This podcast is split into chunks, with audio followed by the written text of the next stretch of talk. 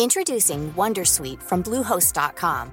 Website creation is hard, but now with Bluehost, you can answer a few simple questions about your business and get a unique WordPress website or store right away. From there, you can customize your design, colors, and content. And Bluehost automatically helps you get found in search engines like Google and Bing. From step-by-step guidance to suggested plugins, Bluehost makes WordPress wonderful for everyone. Go to bluehost.com/wondersuite.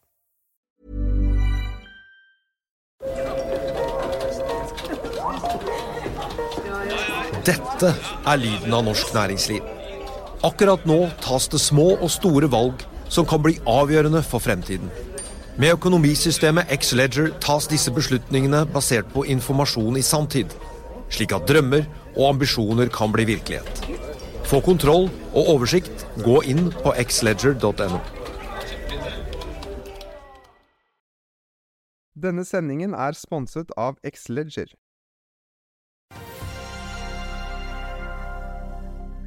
Halleluja! Inflasjonen faller og Wall Street har dratt på fest. Flyr advarer om hva de må få til innen utgangen av mars for å overleve, og Grieg Seafood skuffer. Det er fredag 11. november. Velkommen til Børsmorgen.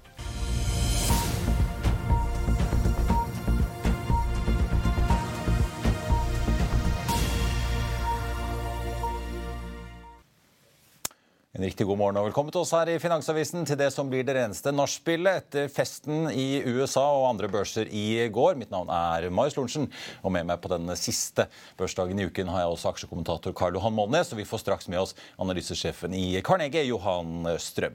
Og fikk du ikke med deg, altså, så var det inflasjonstallene fra USA i går som i motsetning til i Norge peker nedover, som fikk blodet til å bruse hos aksjeinvestorene i går.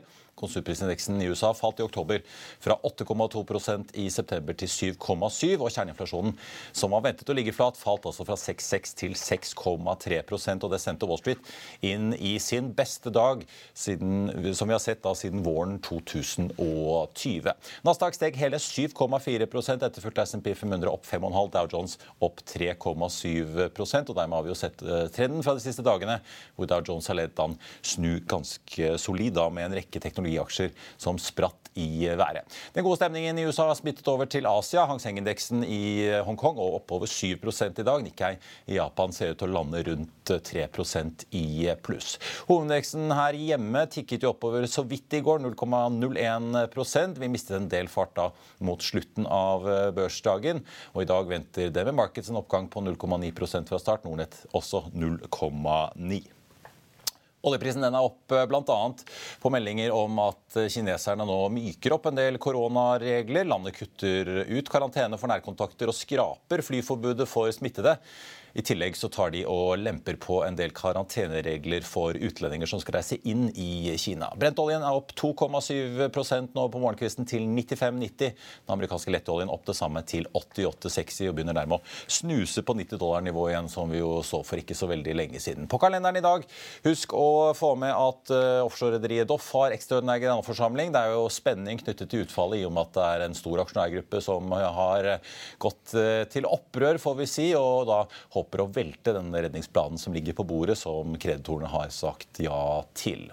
Ellers fra børsbjellen i morges kunne du få med deg at Eh, og Sønn har kjøpt en million aksjer til i Q-Free og nå har bikket 50 så vidt. Det betyr at det har oppstått budplikt på de gjenværende aksjene, og intensjonen er å legge inn et slikt bud innen fire uker, kommer det frem i en eh, melding. Og så får vi også ta med AF-gruppen.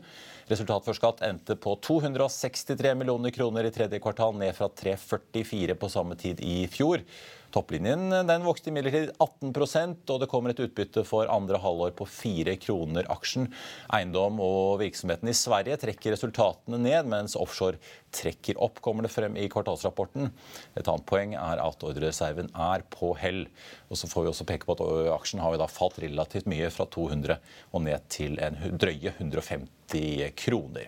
Og så er det Flyr, da, som veldig mange følger med på. Selskapet meldte jo først her i forgårs at uh, meldte at boken var mer enn tegnet. Og i går kveld så kom den formelle meldingen om at emisjonen nå er i boks. Aksjen endte på 8,4 øre i går, mot da tegningskursen på ett øre. Selskapet advarer om at mer penger trengs, derimot, får vi si. De har jo da lagt opp en pakke nå som totalt er på 700 millioner, delt opp i fire deler. De skriver at de første 250 millionene i den rettede emisjonen vil få dem gjennom første kvartal 2023. Flyr skriver også i meldingen at eh, inntektene fra emisjonen ikke vil gi dem nok rom til å dekke verken CO2-kvotene som de må betale i april, eller den nødvendige kapitalbufferen de trenger i andre kvartal. Derfor skriver de sitat, at selskapet vil måtte hente mer kapital innen utgangen av første kvartal, også mars måned. Og da må de også sette i gang denne andre runden av eh, pakken på totalt 700 millioner. Flyret legger til at hvis selskapet citat, ikke klarer å hente ny kapital innen utgangen av mars, vil selskapet kanskje ikke kunne fortsette driften. Og så har de lagt ut en liten melding til i dag om denne reparasjonsemisjonen, som da skal få dem fra 250 til 350 nå i første omgang. Der måtte man da sitte på aksjen eh, i går for å få tilbud om å tegne seg. Nå er jeg med med aksjekommentator Karl Johan Molnes. Og Karl Johan, Det er jo mange kjente navn på listen over disse som har tegnet seg i emisjonen. Sven Egil Larsen er med, Noreco-styreleder Eulf Rustad. Men uh, aksjetrederen Sven Egil han er ganske klar på at han skal selge så, så fort han får sjansen. Ja, uh, de andre tror jeg nok kommer til å sitte litt lenger. Så det er positivt at uh, flyet får inn penger. Det blir som en opsjon dette her på at SAS ikke får inn nok penger, slik at det, det, kan bli et større flyselskap. Det er ja. dette her. Og opsjoner har jo stor verdi. Og så skaper det jo en ja. Eh, holdt jeg på å si, For passasjerene blir det jo litt spesielt å vite at dette selskapet er nødt til å få investorpenger eh, på nyåret hvis de skal overleve. Så det, det ligger jo et sånt spenningsmoment for både selskapet, passasjerene og markedet her i, i månedene fremover da, til første kvartal. Ja, men det er lagt opp et ganske stramt løp som gjør at man ikke går tom for penger før man vet hvordan det går med SAS-refinansiering, tenker jeg. Så. Ja.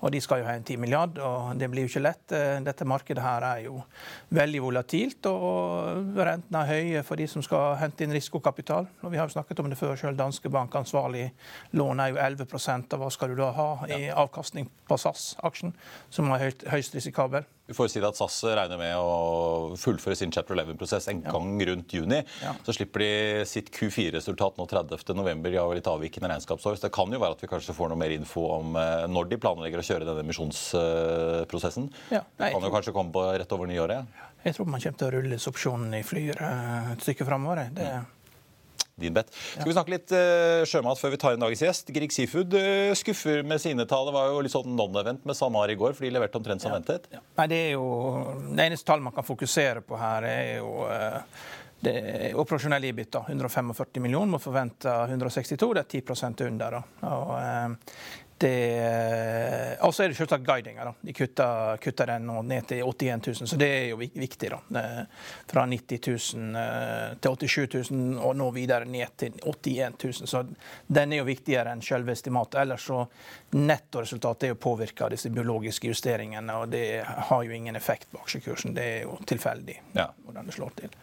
Men det, Grieg er jo med i det gode selskapet. Før så hang jo dette og hadde alltid store problemer. Men det er jo ni kjøp, én hold og en salgsanbefaling, og kursen på 70, kursmål 91. Så det overskyggende for alle disse aksjene er jo eh, grunnrenteskatten. Ja. Det er det viktige. Som vi snakket om med Kristian Tunvold i går, Han turte ikke kjøpe noen lakseaksjer før den, eh, den, skatten er avklart. Nei. Men det er klart også, det er jo eh, kutt i produksjonen her. Det er jo Slakteguidingen det er jo, det er jo det er stort kutt. Så det vil nok slå på kursen. Vi skal uh, følge med. Så i hvert fall Fra start er Grieg ganske mye ned. 6,9% fra, helt fra starten til 65 kroner og 80 på en børs som starter opp 0,7 Foreløpig er det da Grieg som er uh, aksjen som faller aller mest fra start. Vi får ta med at uh, Equinor fortsatt ned halvannen prosent, selv om oljeprisen også går veldig bra. Aker BP derimot tikker oppover et, 1% fra start. Flyr ligger og vaker på 8,6 øre fortsatt. Så tenkte jeg også bare ta med Aksjelution, som jo falt ganske fatt litt i går eh, etter at Wisting-feltet i Barentshavet blir lagt på is. Der lå de an til å få store milliardkontrakter. Denne aksjen falt jo 5,8 i går. I dag tikker den litt opp igjen, 1,1% Vi skal ta inn dagens gjest og er tilbake rett etter dette. La oss i Finansavisen hjelpe deg med å holde deg oppdatert på alt som skjer i finans og næringsliv. Hver morgen er jeg, Marius Lorentzen, og aksjekommentator Karl Johan Målnes på plass i studio for å ta tempen på dagens marked i Børsmorgen. På ettermiddag Dette er lyden av norsk næringsliv. Akkurat nå tas det små og store valg som kan bli avgjørende for fremtiden. Med økonomisystemet X-Leger tas disse beslutningene basert på informasjon i samtid, slik at drømmer og ambisjoner kan bli virkelighet. Få kontroll og oversikt, gå inn på xledger.no. Denne episoden er sponset av van Brun, en fremtredende smykkeforhandler kjent for sitt brede utvalg av forlovelsesringer, gifteringer og diamantsmykker som bæres og elskes i generasjoner. Et frieri er en av de største øyeblikkene i livet, hvor forlovelsesringen er et tidløst symbol på kjærligheten. Ring krever omtanke for både hvilket metall og diamant, med et bredt spekter av både naturlige og labdyrkede diamanter, og metaller som platina, gult gull, hvitt gull og roségull, hjelper de deg med å sette et personlig preg på din kjærlighetshistorie.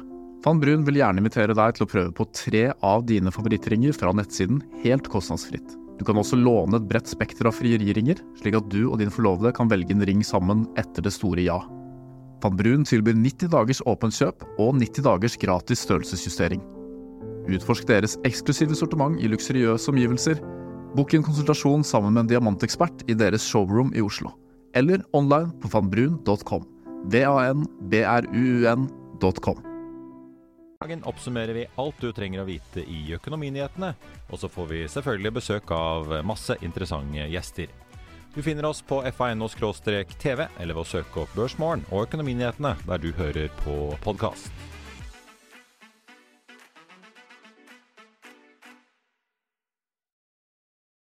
Velkommen tilbake. Ja, Med oppturen på Wall Street i går så er både Dow Jones-indeksen og SMP 500 i pluss for november måned.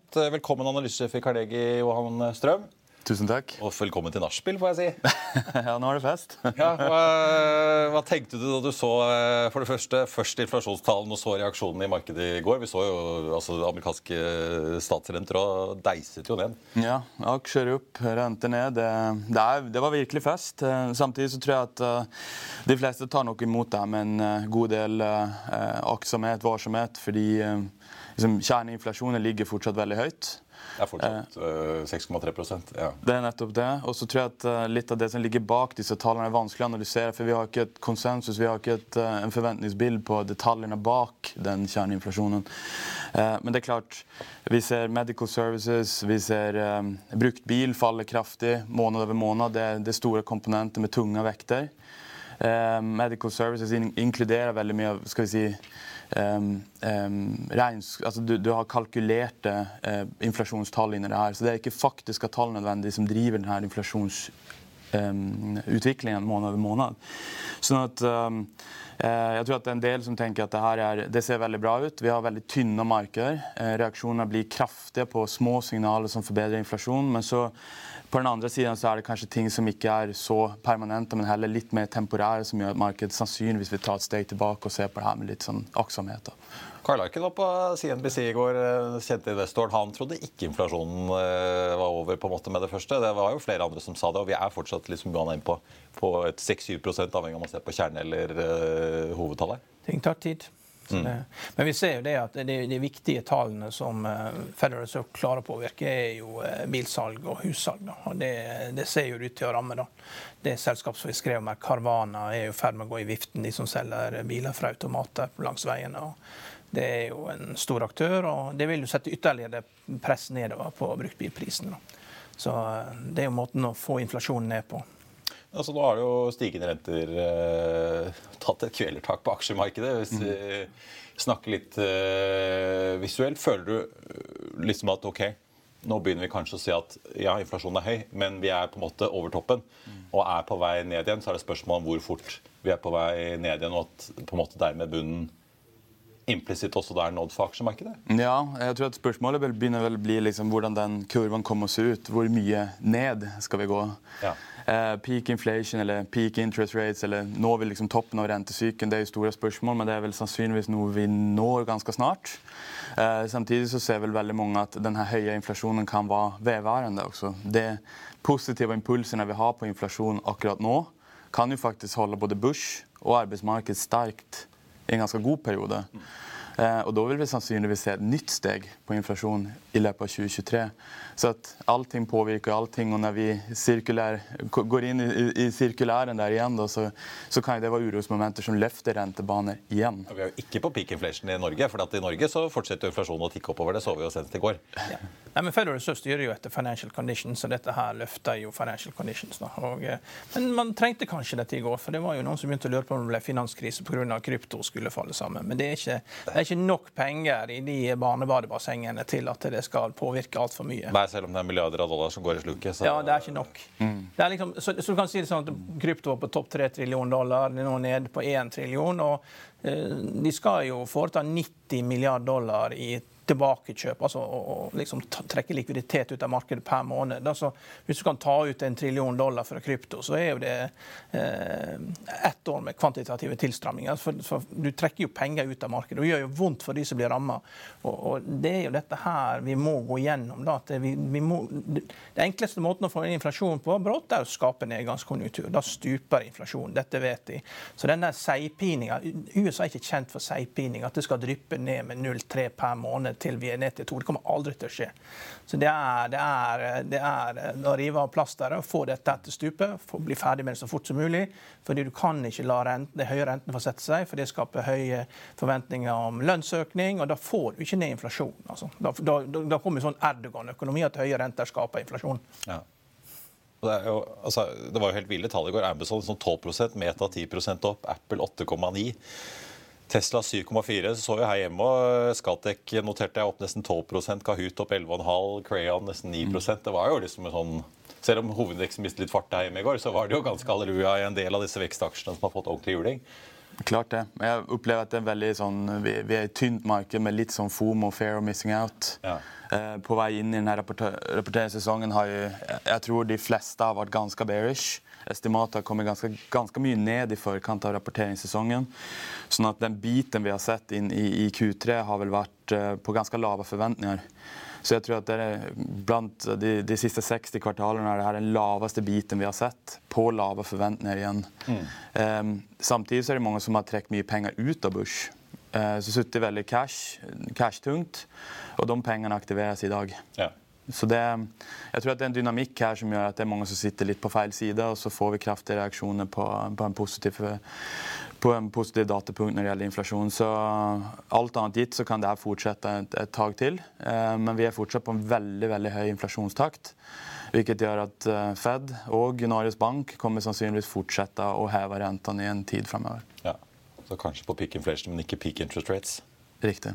Vi, vi, må snakke litt eh, om eh, noen av de sektorene. Selv om du er analysesjef, så skal du jo følge med på alt. Men du eh, følger jo bl.a. med på bank og finans. Neste uke er det kapitalmarkedsdag i, i, DNB. Ja.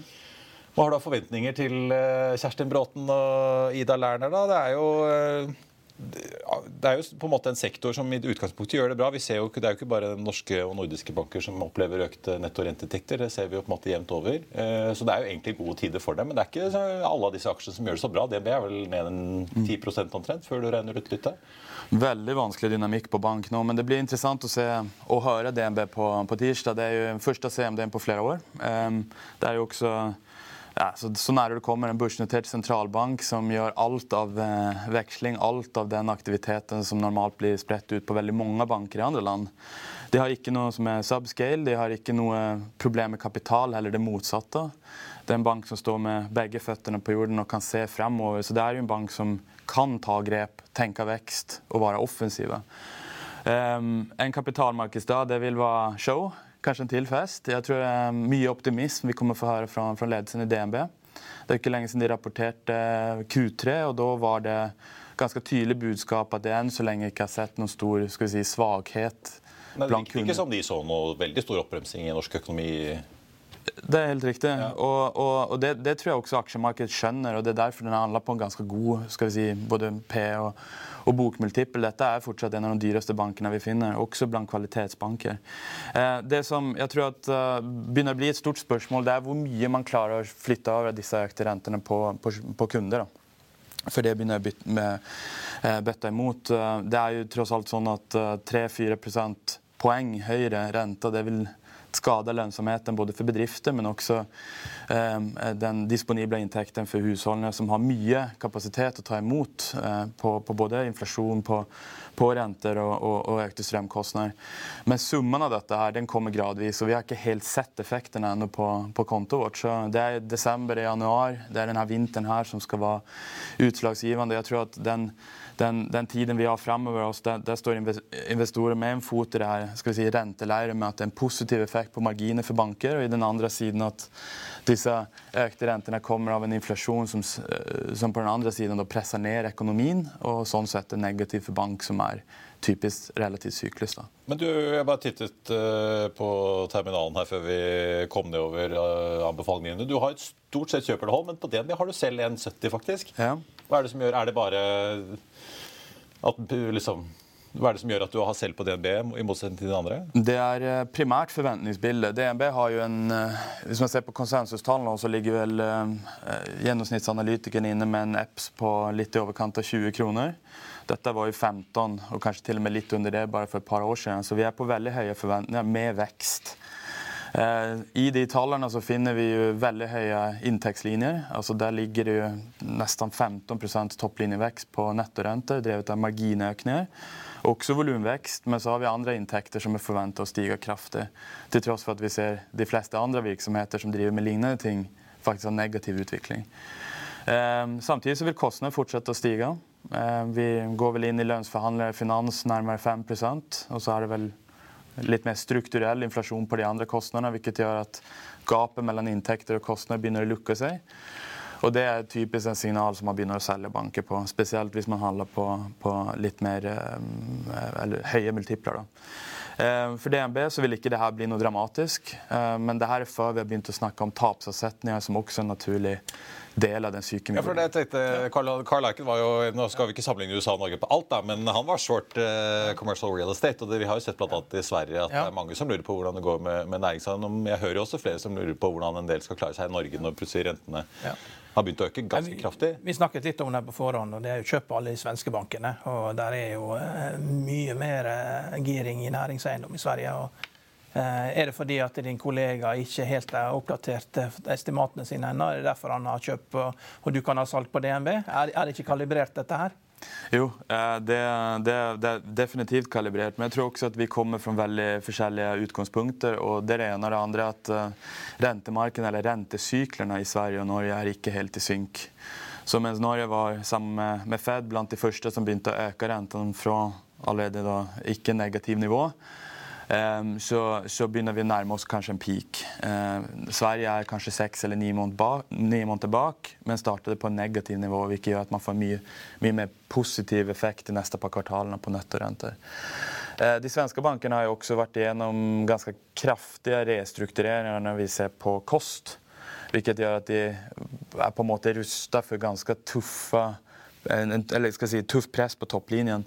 Eh, samtidig som, som de, de starta på litt lavere prisingsnivåer. Så på relativen så har vel DNB kanskje vært eh, ja, Det har gått fra å ha vært en discountbank til flere av de svenske bankene, spesielt kanskje Handelsbanken og SEB, til å bli en premiumbank som nå handler på blant de dyre multiplene.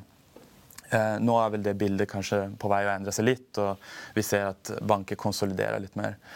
Ehm, det er det ene. Det andre som jeg tror er nyttig å tenke på, i forhold til det her, er at næringseiendom isolert sett vil sannsynligvis ikke bli noe stort taps eh, altså, utsatt for store tap for, for, banker. Det kanskje heller blir en, en vekstpotensial. Eh, det er et bein for banker å begynne å ta tilbake volumer som har mista til et obligasjonsmarked når renter og likviditet si, De vil jo ikke ha mye av dette på bøkene sine, så de har jo skjøvet ut i obligasjon. De har jo tjent på å legge til rette for disse lånene. da. Ja. Ikke sant? Og jeg tror at i Sverige er det i overkant av 250 milliarder svenske kroner som skal refinansieres av, av obligasjoner i næringseiendom. Så det er, det er mye volum å ta av. Eh, men dette er uten pant. Så det er ikke sikkert at alt dette her en gang kan flyttes over til et banksystem eller til bankbalanser. For, for DNB og et par av de andre svenske bankene er det definitivt en mulighet til å vokse. Eh, og da gjør det kanskje på litt lavere forventninger. Du har sett hvordan renteeffektene også spiller seg inn på, på sektoren, men, men, i sum så er jo klart det at næringseiendom i et dårlig momentum, det er en dårlig impuls for bank også. Mm. Eh, det her er store deler av porteføljen. For DNB 10 og for et par av de svenske nesten 20 så kan det, jeg tenkte, det kan jo kanskje bli en fordel for DNB. Mange banker har jo sagt liksom takk og farvel til olje og gass. DNB sitter jo fortsatt i ganske mye, og nå går det så det griner i olje og gass. Så da, mens det bremser opp i næringseiendom og andre, så kan de lene seg på at de i hvert fall har en trygg portefølje der. da. Vel, eh, man får jo ikke andel av oppsiden da når man er bank. Det er det som er problemet. Det er problemet. Godt poeng.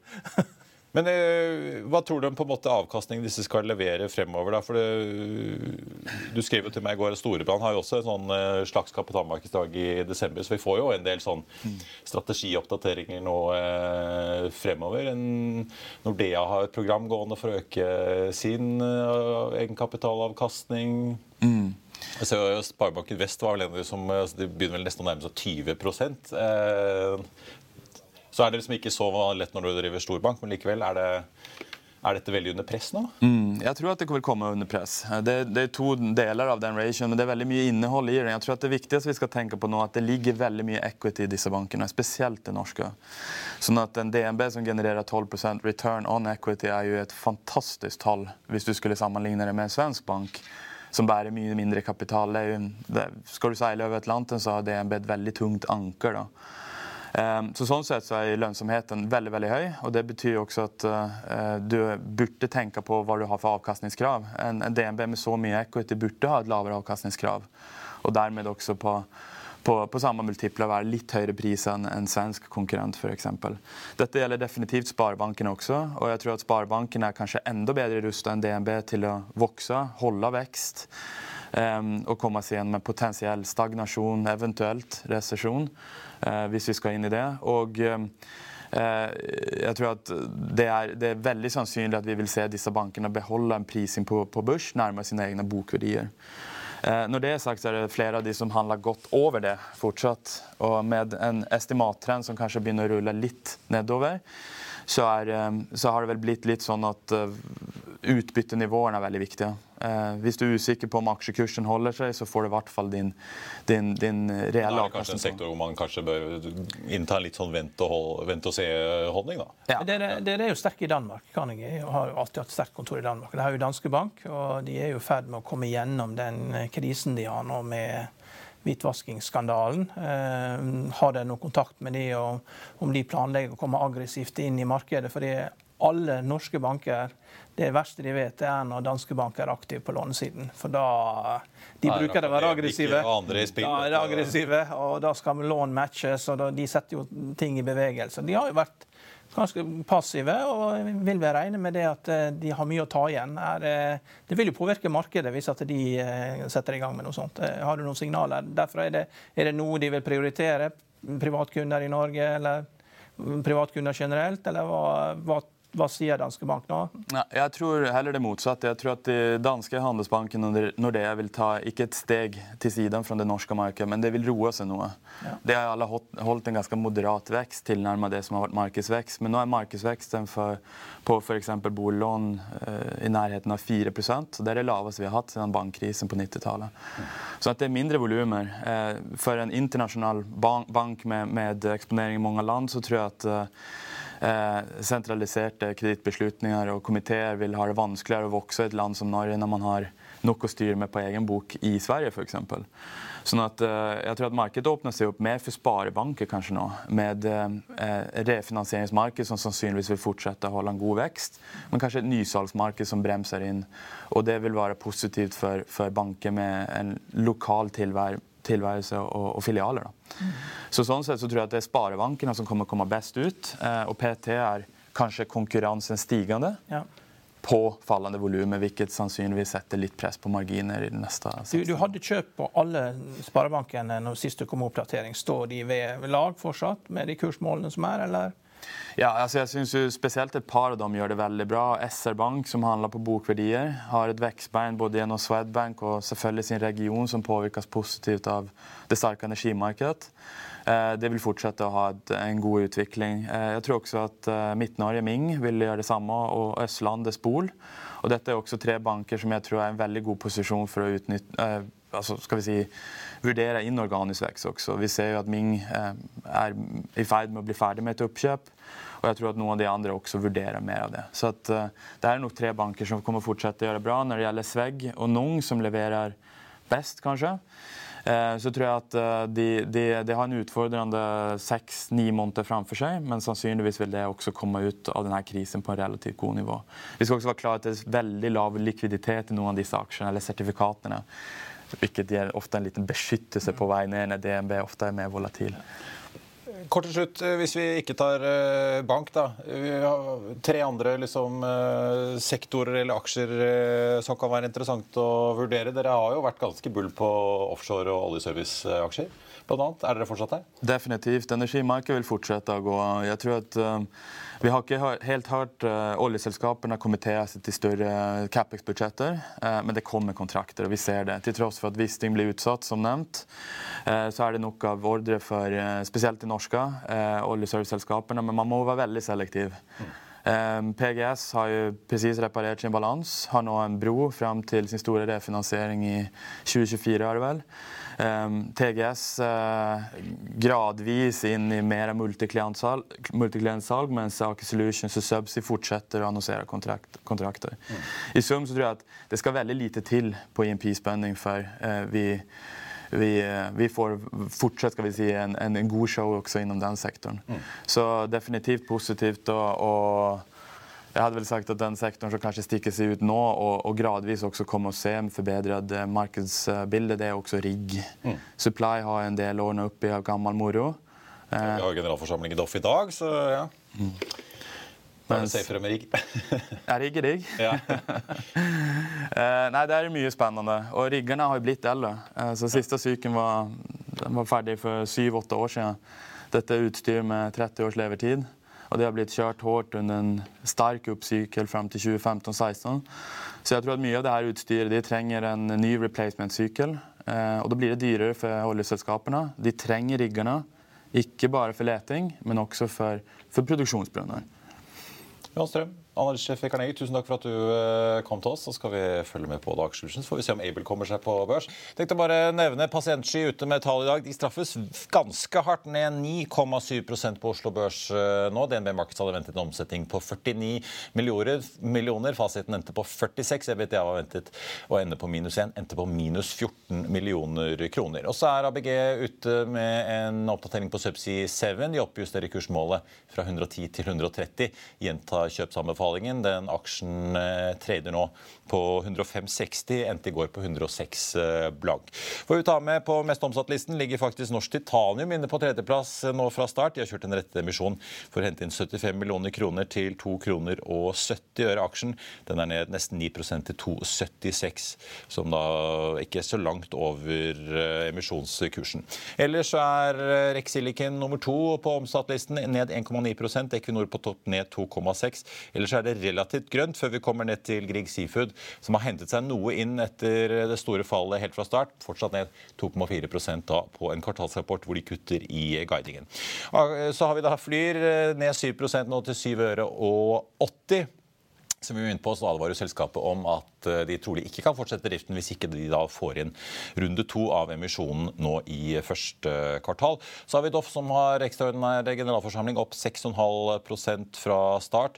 Så snakket vi om DNB. De begynner dagen opp 0,2 på en hovedindeks som er opp 0,6% fra start. Så da har vi jo fortsatt gode nachspiel-vibes her på eh, Børsmorgen. Og Det var den siste sendingen vår på denne siste handelsdagen i uken. Ikke gå glipp av Økonominyhetene klokken 13.30 i dag, der vi både snakker med IT-selskap og børsen med overraskende mye momentum, og så får vi noen ferske prognoser for julehandelen.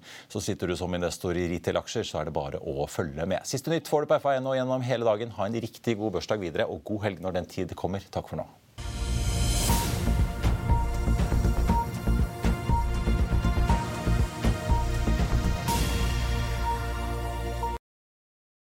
Denne sendingen er sponset av Xleger. For the ones who work hard to ensure their crew can always go the extra mile, and the ones who get in early so everyone can go home on time, there's Granger, offering professional grade supplies backed by product experts so you can quickly and easily find what you need. Plus, you can count on access to a committed team ready to go the extra mile for you. Call, clickgranger.com, or just stop by. Granger, for the ones who get it done.